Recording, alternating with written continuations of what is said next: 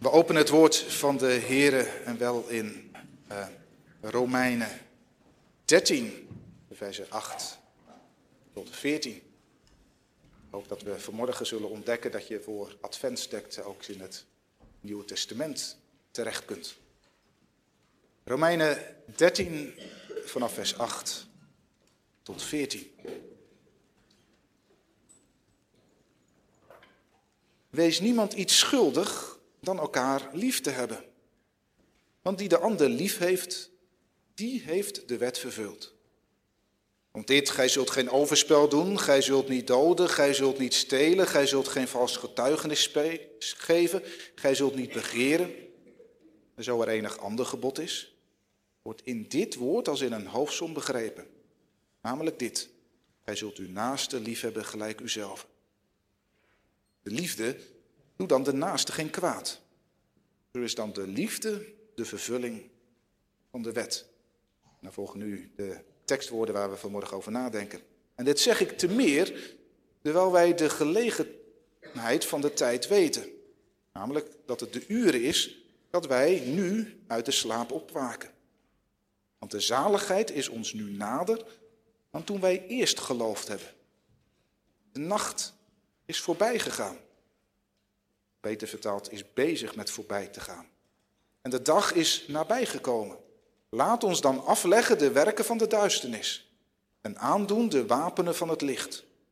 Laat ons, als in de dag, eerlijk wandelen. Niet in brasserijen en dronkenschappen, niet in slaapkamers en ontuchtigheden, niet in twist en nijdigheid, maar doet aan de Heere Jezus Christus. En verzorg het vlees niet tot begeerlijkheden. Tot zover. Gemeente als thema boven de preek de woorden van Romeinen 13, vers 12. De nacht loopt ten einde. De dag breekt bijna aan. De eerste plaats een waarschuwing. In de tweede plaats een bemoediging. En als derde een aansporing. Ja, weet jij hoe laat het is? Nee, dan bedoel ik niet dat jij even op je horloge gaat kijken of op je mobiel om te kijken welke tijd daar aangegeven wordt. Maar ik bedoel, weet jij hoe laat het is op de klok van God? Weet jij hoe laat het is op de klok van de wereldgeschiedenis? Wat denk je, is de wederkomst van de Heer Jezus nu dichtbij? Of duurt dat nog een poosje? Wat denk je, hoe laat is het op de klok van de wereldgeschiedenis? Dat is natuurlijk wel een heel belangrijke vraag. Want het antwoord op die vraag bepaalt voor een heel groot gedeelte hoe jij leeft. Kijk, als jij denkt dat de wereldgeschiedenis nog lang niet afgelopen is, dat de wederkomst van de Heer Jezus nog heel ver weg is, dan hou je in je dagelijkse leven daar waarschijnlijk heel weinig rekening mee. Maar als je nou gelooft dat de wederkomst van de Heer Jezus heel dichtbij is, dat Hij elk moment kan terugkomen, dat het vijf voor twaalf is op de klok van God, ja, dan wordt dat iets om in je leven, je dagelijkse leven rekening mee te houden. Want ja, als de Heer Jezus binnenkort terugkomt, dan, dan gaat het om de vraag, hoe vindt Hij mij als Hij terugkomt? Ben ik klaar om Hem te ontmoeten? Daarom als vraag voor jou vanmorgen. Hoe laat is het volgens jou? De klok van de wereldgeschiedenis. Duurt het nog lang voordat Christus terugkomt? Kan dat elk moment gebeuren? Komt Christus spoedig terug? Nou, voor de christenen in Rome en ook voor Paulus is het geen vraag hoe laat het is op de klok van de wereldgeschiedenis. Jullie weten dat, zegt Paulus in vers 11. Jullie weten hoe laat het is. Jullie weten, zo zegt hij in vers 11 en 12, jullie weten dat het de tijd is om je klaar te maken om op te staan. De nacht loopt ten einde. De dag breekt bijna aan. Wat is het prachtig beeld wat Paulus hier gebruikt? Een beeld van hoop. De nacht loopt ten einde. De nacht is bijna voorbij. Nog even en dan breekt het licht aan. Nog even en dan is het dag. Nog even en je mag opstaan. Midden in de vervolging waar de gemeente in Rome mee te maken heeft. Verschillende van hen zijn al opgepakt en de anderen die leven in de voortdurende angst dat ook zij worden opgepakt, dat ook zij ter dood gebracht zullen worden. Midden in die duisternis klinkt een boodschap van hoop. De nacht loopt ten einde. De dag die nadert al. Nog even en de duisternis verdwijnt. Nog even en dan wordt het licht. Het is, het is die hoop die je ook doorhoort klinken in heel veel kerstliederen. we kennen ze allemaal wel. De duisternis gaat wijken van de eeuwenlange nacht. Een nieuwe dag gaat bereiken. Met ongekende pracht. In heel veel kerstliederen wordt de hoop vertolkt die de profeet in het Oude Testament profeteerde over de komst van de Messias. De profeten uit het Oude Testament die keken op de klok van God. En die zagen hoe de tijd dichtbij kwam. De tijd dat God verlossing zou zenden. Dat hij de Messias zou zenden om zijn volk te verlossen. En om die hoop onder woorden te brengen, gebruikte zij het beeld van de nacht die ten einde loopt. Beeld van de dag die bijna aanbreekt. lees met dat in je achterhoofd het boekje Jezaja maar eens. Het boekje Jezaja staat er vol mee. Misschien ook wel van die teksten die je uit je hoofd geleerd hebt voor een kinderkerstviering. Van school of van de kerk. Bekende tekst als een volk wat in duisternis wandelt. Dat zal een groot licht zien. Zij die wonen in het land van de schaduw van de dood, over hen zal een licht schijnen. Of, of die uitgebreide lichtsprofetie uit Jezaja 60. Sta op, word verlicht, want uw licht komt. En de heerlijkheid van God gaat op over u. zie, duisternis zal de aarde bedekken. Donkere wolken de volken. Maar over u zal de Heer opgaan. Zijn heerlijkheid zal over u gezien worden. En de heidevolken zullen naar uw licht gaan. En koningen naar de glans van uw dageraad. Nou, en, en zo zijn er nog wel veel meer profetieën te noemen. Die de komst van de Heer Jezus aankondigt als een licht wat gaat schijnen in de duisternis. Als het dageraad wat aanbreekt in het midden van de nacht. Als het dan aangebroken is, als hij geboren wordt. Als Maria zwanger is van de Heer Jezus, nou, dan grijpt ze terug op dit beeld in haar lied. Hij is, zo zingt Maria, hij is een licht tot verlichting van de heidenen. En tot zaligheid van zijn volk Israël. Als dan de Heer Jezus geboren is en rondtrekt door Israël, dan grijpt hij ook terug op dit beeld. Als hij het zegt, ik ben het licht van de wereld. Wie mij volgt zal beslist in de duisternis niet wandelen, maar zal het licht van het leven hebben. Als een hoopvolle boodschap klinkt het. Als de Messias komt, als de Heer Jezus komt, dan gaat de duisternis voorbij. Dan wordt het licht. Wie de Heer Jezus volgt, zal in de duisternis niet wandelen, maar die wandelt in het licht. Nou gemeente, de Heer Jezus is gekomen. Volgende week herdenken we zijn geboorte. Een geboorte waar je jaar in, jaar uit over hoort. Het licht is gekomen.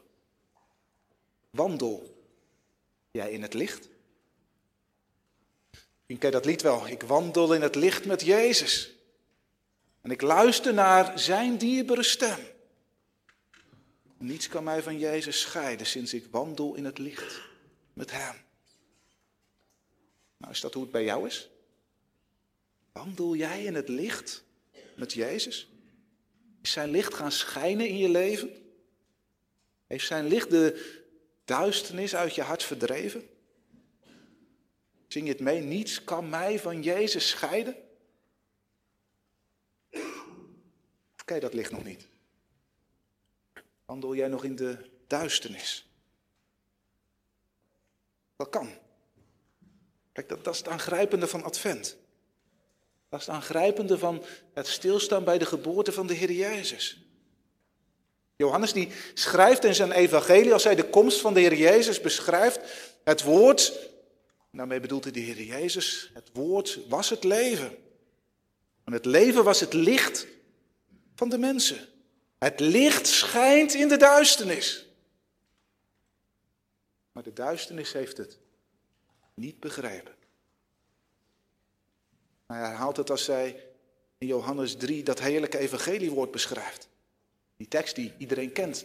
Want al zo lief heeft God de wereld gehad. Dat hij zijn enige geboren zoon gegeven heeft. Dat iedereen die in hem gelooft niet verloren gaat, maar eeuwig leven hebben zou. Want God heeft zijn zoon niet in de wereld gezonden opdat hij de wereld veroordelen zou. Maar opdat de wereld door hem behouden zou worden. Wie in hem gelooft, wordt niet veroordeeld. Maar wie niet in hem gelooft, die is al reden veroordeeld. Omdat hij niet heeft geloofd in de naam van de enige geboren zoon van God. Nou, na die heerlijke boodschap schrijft Johannes, en dit is het oordeel, dat het licht in de wereld gekomen is.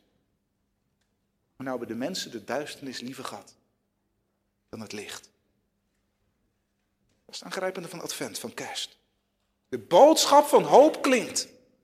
De geboorte van de Heer Jezus als een licht in de duisternis wordt je verkondigd. En nu zijn er mensen die liever in de duisternis blijven dan in het licht te gaan leven. En je vraagt je af, hoe kan dat nu? Hoe kan het nu dat God het grootste doet wat hij maar had kunnen doen?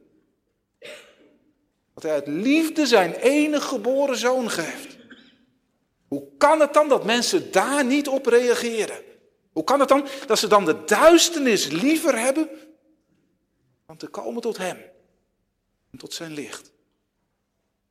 En dan moet je nog even verder lezen in Johannes 3. Dan vertelt Johannes waarom dat zo is. Waarom hebben mensen de duisternis nu liever? Waarom komen ze niet in het licht? Johannes zegt in Johannes 3, iedereen die het kwaad doet, haat het licht. En komt niet tot het licht. Dat zijn werken niet openbaar zouden komen. Dus wegblijven bij de Heer Jezus, zegt Johannes. Wegblijven bij de Heer Jezus terwijl je weet dat Hij je zalig kan maken. Dat komt omdat jij je verkeerde werken niet los wil laten. Je hebt je leven zonder de Heer, je eigen gedachten over de Heer. Je hebt die verkeerde werken, die heb je liever dan de Heer en zijn licht. Over welke verkeerde werken heeft Johannes het dan? Die duisternis waar Johannes het over heeft en waar ook Paulus over schrijft in de Romeinenbrief. Wat, wat is dat dan voor een duisternis? Over welke verkeerde werken gaat dat dan? Nou, om dat te begrijpen moeten we weer even terugkijken naar de profetieën uit het Oude Testament. Want daar hebben Paulus en Johannes hun beeldspraak over licht en duisternis vandaan. Als je de profetieën leest, en zeker Jezaja, dan kom je regelmatig die oproep tegen om in het licht te gaan wandelen. Bijvoorbeeld aan Jezaja 2, vers 5. Kom, gij huis van Jacob, laat ons wandelen in het licht van de Here. Of, of Jezaja 60, vers 1, ik heb hem al geciteerd. Maak u op, word verlicht, want uw licht komt. En de heerlijkheid van de Heere gaat over u op. Als Jezaja het volk dan oproept om in het licht te gaan wandelen. En de duisternis achter zich te laten. Wat voor duisternis bedoelt hij dan? Nou, als je Jezaja gaat lezen, dan kom je drie categorieën van duisternis tegen. De eerste gaat over het doen wat de Heer verboden heeft. Ingaan tegen Gods geboden. Doen van de zonde, het niet willen erkennen van de Heer. Dat je weet wat er in de Bijbel staat, dat je weet wat de Heer van je vraagt en je gaat gewoon je eigen gang. Willens en wetens ga je in tegen de Heer. Je zondigt, zo zou je kunnen zeggen, midden in zijn gezicht. Wat God verboden heeft, de duisternis, dat noem jij licht. En wat hij bitter noemt, dat noem jij zoet. Nou, zegt Johannes, dat, dat is een van de redenen waarom je niet in het licht wil komen. Omdat je dan veranderen moet. Dat je dan afstand moet doen van de dingen die ingaan tegen wat de Heer zegt. En, en dat wil je niet. Dus er zijn mensen, en misschien gaat het vanmorgen wel over jou. Er zijn mensen die niet tot de Heer Jezus willen komen omdat ze niet naar Hem luisteren willen. Je hebt zonde die ze niet op willen geven. Je wil zelf bepalen hoe je leeft. In plaats van dat je onvolwaardelijk buigt voor de Heer Jezus. Waarom wandel je verder zonder de Heer? Waarom wandel je in duisternis en ben je op weg naar de eeuwige duisternis? Maar ik denk dat de meeste mensen hier in de kerk zullen denken, nou, dat, dat doe ik gelukkig niet. Openlijk ingaan tegen wat de Heer in de Bijbel zegt. Openlijk de zonde doen. Dat doe ik niet. Ik ben, ben toch een net christen. Probeer toch naar de Bijbel te leven. Nou, zegt Jezaja dan. Wees niet te snel. Zeg niet te snel dat jij niet in de duisternis wandelt. Want Jezaja beschrijft nog een tweede categorie van duisternis. Misschien maak jij je daar wel schuldig aan. Sociale ongerechtigheid. Dat de mensen die het goed hebben, die er warmpjes bij zitten, dat die de mensen die het minder hebben in de kou laten zitten.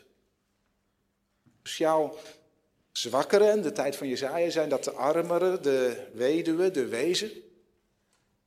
In onze tijd de asielzoekers, de mensen die op straat leven, de mensen met een, met een lager inkomen, de mensen die chronisch ziek zijn of die psychische aandoeningen hebben, of de kinderen die al zo lang op een lijst staan voor pleegzorg.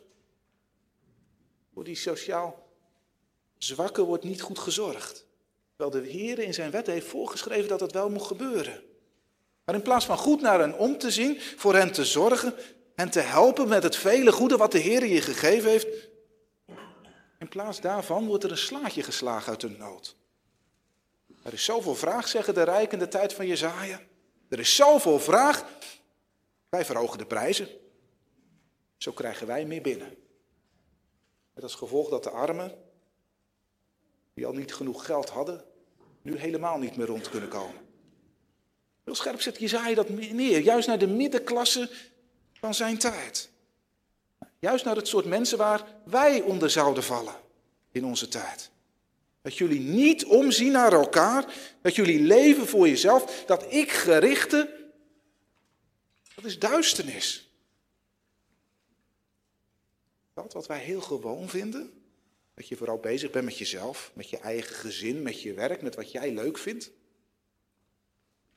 Je bezig bent met het zorgen dat je het zelf goed hebt, zonder je echt te bekommeren om anderen die het minder hebben dan jij. Nou, dat is, zo schrijft Jezaja in zijn boek. Dat is nou de reden dat de Heer jullie als volk wegvoert uit het land. Hij gebruikt een hele heftige taal. Hij zegt, het land zal jullie uitspugen. Omdat jullie niet hebben omgezien naar de weduwe en de hulpbehoevenden. Jezaja komt God naar voren als een God die het zwakke en het kwetsbare lief heeft. Een God die diep geraakt wordt. Als er niet naar hen omgezien wordt en voor hen gezorgd wordt. De Heer ziet dat als duisternis, als dat niet gebeurt. Dus wie leeft voor zichzelf, wie leeft om het zelf goed te hebben, zonder er te zijn voor anderen, die leeft volgens de Heer in duisternis. En als derde noemt Jezaja dan dat het volk andere goden dient dan de Heer. Ze hebben de Heer niet nodig. Ze redden het zonder hem ook wel. De Heer speelt in hun leven niet echt een rol. En het is niet dat ze niet in de Heer geloven. En het is niet dat ze de Heer niet belangrijk vinden. Alleen in de praktijk van hun leven speelt hij geen echte rol. In de praktijk van hun leven leven ze voor andere dingen. Als de Heer er niet bij zou zijn, dan, dan zou hun leven niet echt veranderen. Als Paulus dan het beeld gebruikt van de duisternis die bijna voorbij is, van het licht wat bijna aanbreekt, dan stelt het ons dus voor een heel belangrijke vraag. Aan welke kant sta ik nu? Sta ik nu aan de kant van de duisternis? Aan de kant van het licht? Wandel ik nu in het licht met Jezus? Hoor ik bij Hem? Kan ik niet wachten tot de duisternis verdwijnt? Probeer ik om een licht te zijn in deze duistere wereld? Wandel ik in de duisternis? Dan heb ik dus een groot probleem als de nacht voorbij gaat en de duisternis verdwijnt. Welke kant sta je? Ga aan de kant van de duisternis of van het licht? Heb je de duisternis lief of, of ben je bang in het donker? Misschien is dat wel een goede graadmeter voor het geestelijke leven. Hoe er geestelijk met je voor staat. Ik durf vanmorgen de stelling wel aan. Wie met de Here leeft, die is bang in het donker. Die is bang voor de zonde. Die is bang om ik gericht te leven. Die is bang om niet met heel zijn hart voor de Here te leven. Je hebt de Here lief gekregen, je wil met hem wandelen in zijn licht. Dicht bij hem. Daarom, daarom haat je de werken van de duisternis. De werken van de duisternis die het licht van de Heer in je leven laten doven. Die je bij de Heer vandaan houden. Ken je dat? Ben jij bang voor de zonde? Bang om ik gericht te leven? Bang dat dat je niet met heel je hart voor de Heer leeft? Haat jij de werken van de duisternis? Dat je het licht hebt liefgekregen? Ben jij bang in het donker? Als dat nou niet zo is, dan klinkt er vanmorgen een waarschuwing van de Heer naar jou. Pas op. De nacht is bijna ten einde. Bijna breekt de dag aan. Jouw manier van leven heeft geen toekomst. De Heer Jezus komt om een nieuwe hemel en een nieuwe aarde te brengen. Daarop is geen plaats voor mensen die in de duisternis willen wandelen. Daarom bekeer je. Ga tot het licht. Nog even de duisternis zal weggedaan worden. Bekeer je, ga tot het licht.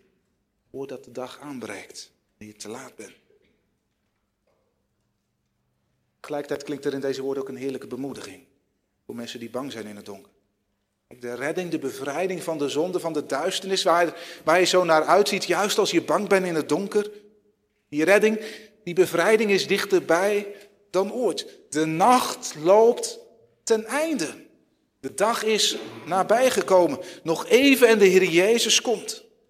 Dan zal de duisternis verdwijnen. Dan worden we bevrijd van alles wat ons bij de Heer vandaan houdt dan zullen we met hem wandelen in zijn licht. Nog even volhouden. Hij komt eraan. We gaan als tweede punt de bemoediging. Dat de duisternis voorbij gaat. Ja, we, we zouden de woorden van Paulus te kort doen als we alleen maar hier naar zouden kijken. Want Paulus, hij schrijft naar de gemeente van Rome. Een gemeente die niet alleen te maken heeft met de duisternis in hun eigen hart, maar die ook heel concreet geconfronteerd wordt met de duisternis in de wereld om hen heen. Want ja, als de Heer Jezus het licht is en alles buiten hem duisternis is, ja, dan betekent dat dat de wereld om ons heen duisternis is. De gemeente van Rome heeft die duistere kanten van de wereld om hen heen gezien. Voor hen is de gedachte dat de wereld buiten God de duisternis lief heeft en het licht haat. Voor hen is er geen theorie, maar werkelijkheid. De wereld om hen heen keert zich tegen hen. Hebben te maken met vervolging en met verdrukking. Als je kijkt naar de kerkgeschiedenis, als je kijkt naar de kerk wereldwijd, dan weet je dat dat geen uitzondering is. Door alle eeuwen heen en ook nu nog wereldwijd Vele christenen leven in vervolging en verdrukking. Ik denk dat ook wij daar steeds meer mee te maken gaan krijgen. Ons land staat, laat steeds meer haar christelijke wortels los. Gaat steeds openlijker in tegen Gods geboden. En zal daarmee steeds meer in de duisternis terechtkomen. Als je het nieuws volgt dan zie je het gebeuren met elke discussie die er weer in de Haag gevoerd wordt over een ethisch onderwerp. Ik noem alleen maar de voorbeelden van de laatste weken. De abortuspil die via de huisarts aangeboden moet worden. Want het recht van de vrouw om baas in eigen buik te zijn. Het recht om zelf haar leven uit te stippelen zonder dat het verstoord wordt door zoiets als een ongewenst kind. Ja, dat is toch veel belangrijker dan het achterlijke idee dat er een soort God het leven geeft. Dat het leven daarom beschermwaardig is. Denk aan de discussie, ook afgelopen weken, over het makkelijker maken van euthanasie. Het gaat al lang niet meer om de vraag of je het leven van iemand mag beëindigen. De enige vraag die je nog te doet, ook voor een christelijke partij in naam zoals het CDA.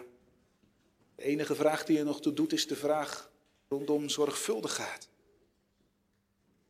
Denk aan het standpunt rondom seksualiteit wat onze overheid uitdraagt en pusht. Wie nog vindt wat de Bijbel zegt, die is achterlijk, die is onmenselijk, die is haatdragend, die is discriminerend. In de ogen van onze overheid. Denk alleen maar aan de felle woorden voor haat. Die klonk in het Kamerdebat pas. Waar de identiteitsverklaring van reformatorische scholen weer eens op tafel lag. Het kan wel eens moeilijk worden om te staan voor wat de Bijbel zegt de wereld om ons heen de Heer verlaat en zich van zijn woord niks meer aan wil trekken. Misschien komt er wel een tijd dat wij de vervolgde kerk gaan begrijpen. Als zij vurig uitziet naar de wederkomst van de Heer Jezus. Misschien gaan wij nog de troost begrijpen van wat Paulus hier zegt. De troost dat de nacht ten einde loopt en de dag nadert. De troost en de hoop. Jezus komt terug. Hij is gekomen zo'n 2000 jaar geleden. Hij is gekomen in je hart. Maar hij komt terug. Dan zal de duisternis verdwijnen. Dan zal alle tegenstand tegen het licht ophouden. Dan zullen we voor eeuwig wandelen in het licht met Jezus. Juist als de tijden moeilijker worden. Juist als christenen steeds meer alleen komen te staan. Dus steeds weer als achterhaalde mensen worden neergezet. Mensen die aan de verkeerde kant van de geschiedenis staan. Mensen met een mening die er niet meer mag zijn. Juist als de tijden moeilijk worden. Hou dan voor ogen wat Paulus hier zegt. Paulus zegt, je weet het toch? Je weet toch dat de nacht ten einde loopt en de dag nabij is? Je weet toch dat Jezus spoedig terug zal komen? Hou daarom moed, ook als het moeilijk is, want hij komt terug. Nog even. En dan is hij er. Ja, dat brengt ons bij ons derde punt, een aansporing. Ja, zeg je maar, wat Paulus hier zegt, dan maakt het nou geen passieve christenen. Zo van, de nacht loopt een einde, de dag breekt bijna aan. Als je dat nou zo benadrukt, loop je dan niet het gevaar dat je christenen kweekt die een beetje zielig gaan zitten klagen in een hoekje over hoe slecht de tijd wel niet is? Die stilletjes passief in een hoekje gaan zitten wachten tot het eindelijk beter wordt, totdat de dag aanbreekt? Ja, dat zie je in de kerkgeschiedenis inderdaad wel eens gebeuren. Mensen die zich terugtrekken en in een eigen hoekje gaan zitten wachten tot het beter wordt. Maar dat is niet hoe Paulus er hierover spreekt.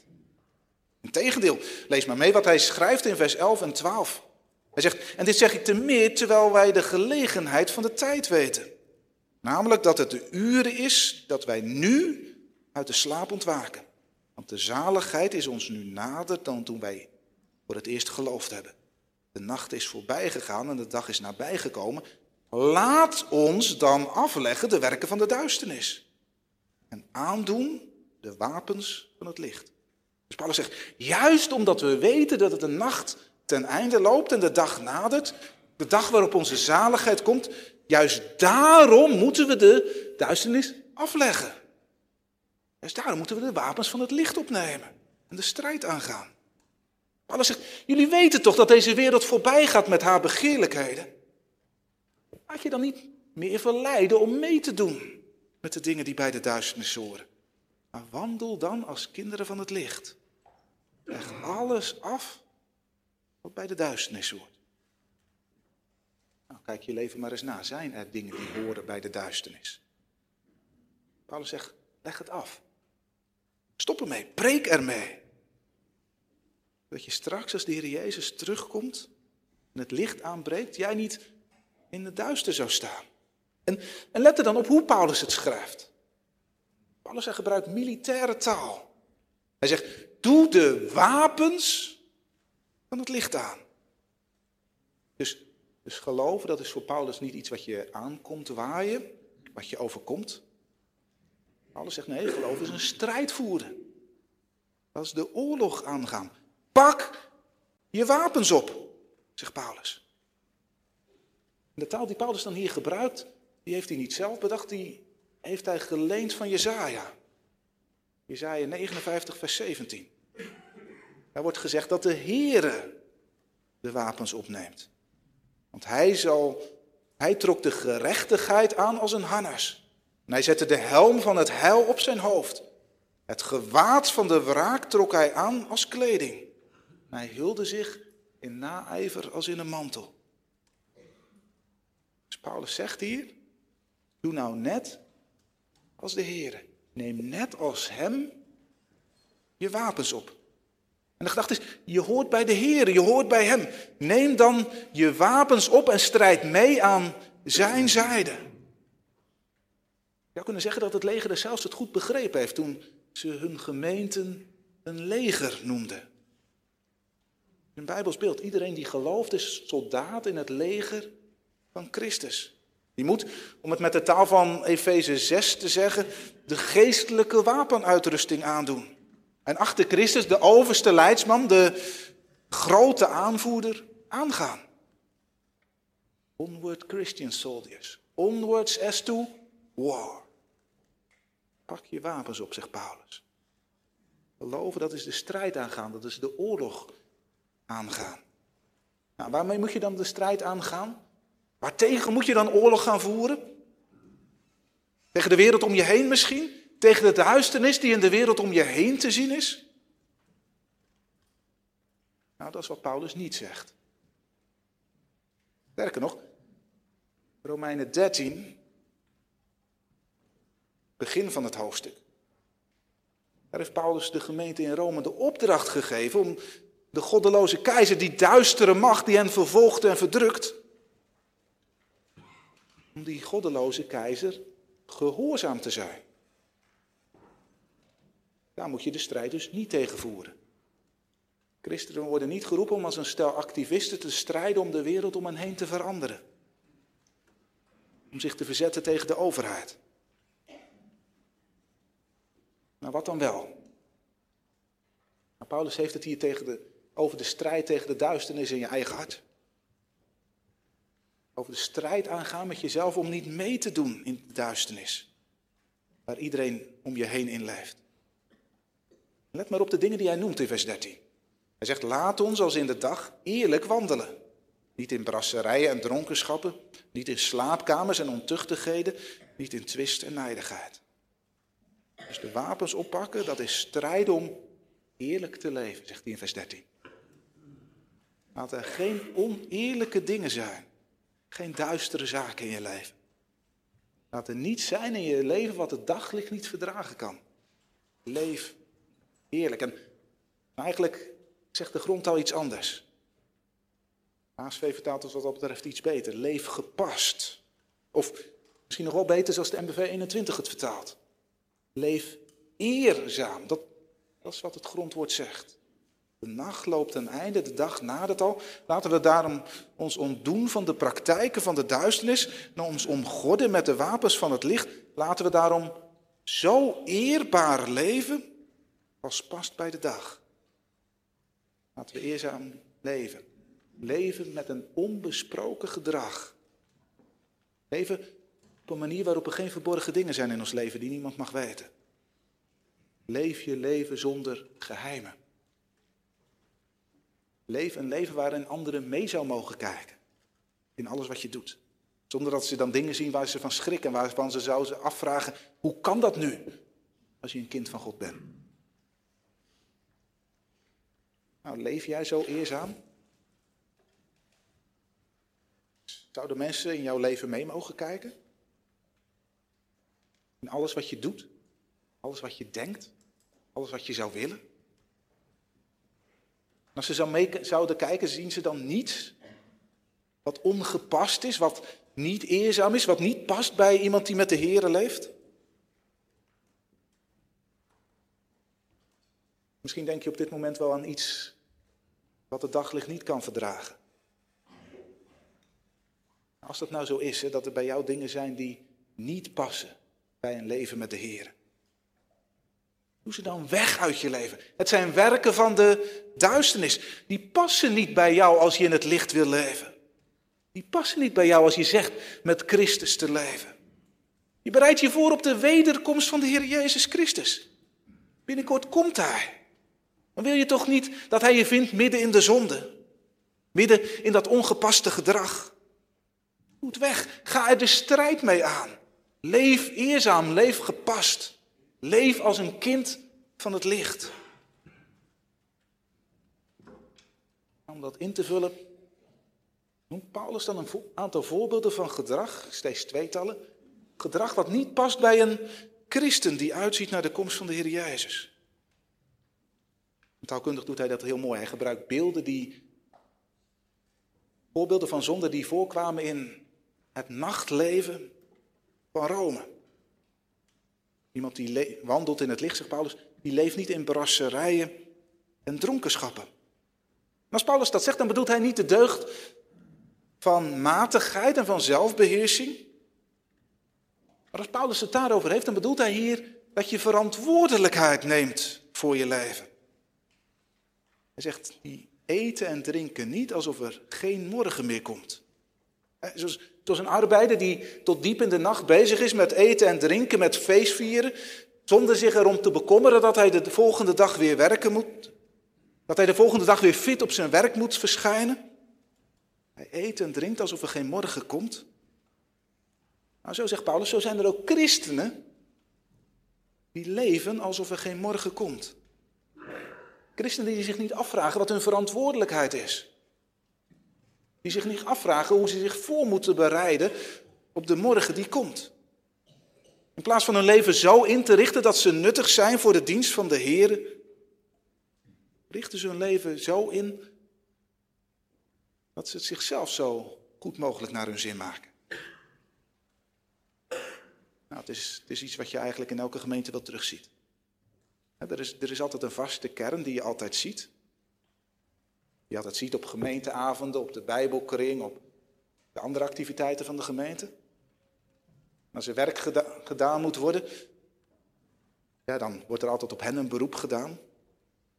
En zijn zij degene die klaarstaan, wel ze al vaak al zoveel doen. Ja, en de rest, ook de avondmasgangers, Even degene uitgezonderd die vanwege hun gezondheid niet kunnen. Nou, die, die rest die neemt hun verantwoordelijkheid niet. Die geven niet thuis als er een beroep op hen gedaan wordt. Die maken geen tijd voor de activiteiten van de gemeente. Zeker niet als, er, als ze gevraagd worden voor iets wat structureel offers en tijd kost.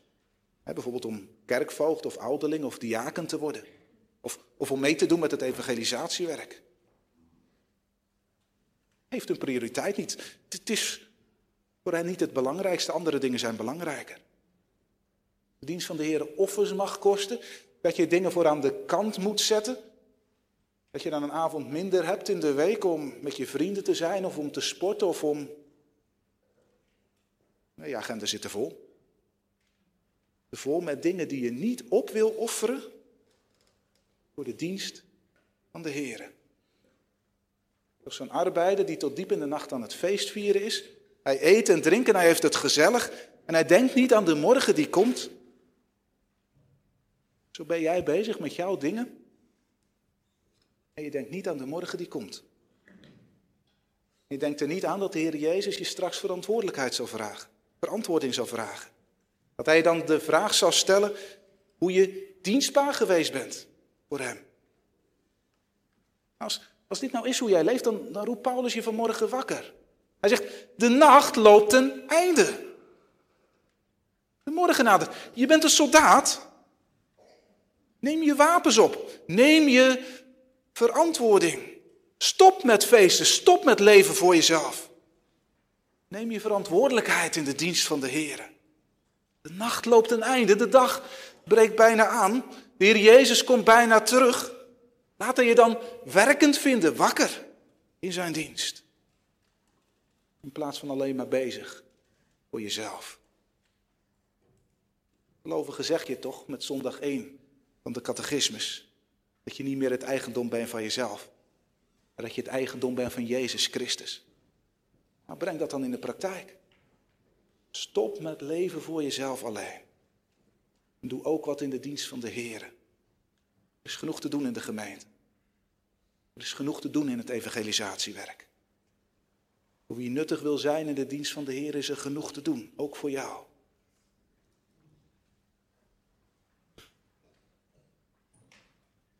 En het tweede voorbeeld wat Paulus noemt. Het tweede voorbeeld van werken die in de duisternis gebeuren, in de nacht. Wat Paulus noemt zijn zonde op seksueel gebied. Dingen op seksueel gebied die het daglicht niet kunnen verdragen. Blijkbaar is het nodig dat Paulus de christenen in Rome hierop aanspreekt. Blijkbaar komt dit voor onder de christenen in Rome.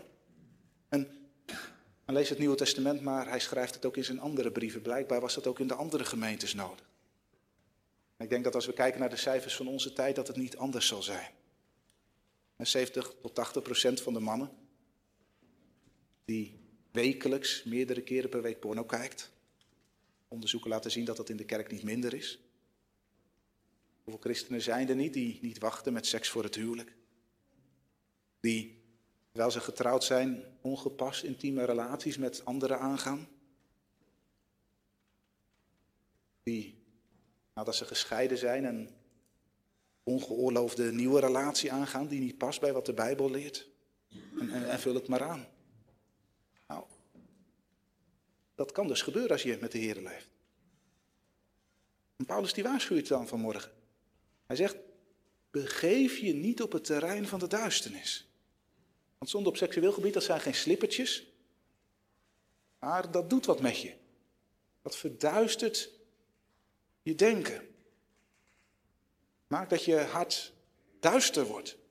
Belemmert je getuigenis van Christus. Want hoe kun je van het licht getuigen als de duisternis zit in je hart? Daarom zegt Paulus, doe het weg, bekeer je. Strijd ertegen. En ja, dat, dat is moeilijk. Paulus hij gebruikt niet voor niks militaire taal van je wapens er tegen opnemen. Juist omdat het zoveel met je doet, is het niet makkelijk om met deze zonde te breken. Maar ga de strijd aan, zegt Paulus. Want je weet toch dat de nacht ten einde loopt. Dat de nieuwe dag bijna aanbreekt. Je weet toch dat Christus voor de deur staat. Je nou dat hij je zo vindt? Levend in de duisternis? Terwijl hij je tot het licht geroepen heeft? Breek met de duisternis. Kom weer tot het licht. Nou, het derde wat Paulus noemt als voorbeeld van de duisternis is leven in twist en nijdigheid. En misschien verbaas je dat. Dat Paulus dit noemt onder de werken van de duisternis. Want Paulus heeft het hier heel nadrukkelijk over de context van de kerkelijke gemeente. En je zou toch zeggen, nou, als, als je binnen de kerk oneenigheid hebt, en dan kan het toch ook gewoon dat je gelijk zijn dat je gelijk hebt. Dat je strijdt voor de waarheid, dat het er daarom soms hard aan toe gaat. Dat er daarom soms harde woorden vallen. Voor, voor sommigen lijkt dat wel een teken van rechtzinnigheid. Dat je omwille van de waarheid een strijd voert waar je zo hard mogelijke woorden voor gebruikt. Maar Paulus die wijst ons dan terecht. Hij zegt dat hoort bij de werken van de nacht, van de duisternis. In de gemeente, zo heeft hij eerder in Romeinen 13 betoogd, hoort liefde te wonen. De strijden om je eigen gelijk, harde woorden gebruiken, zelfs al is dat omwille van de waarheid. Lange tenen hebben, geïrriteerd reageren op elkaar. Dat past er niet bij. Zo'n liefdeloze houding staat het getuigen van Christus in de weg.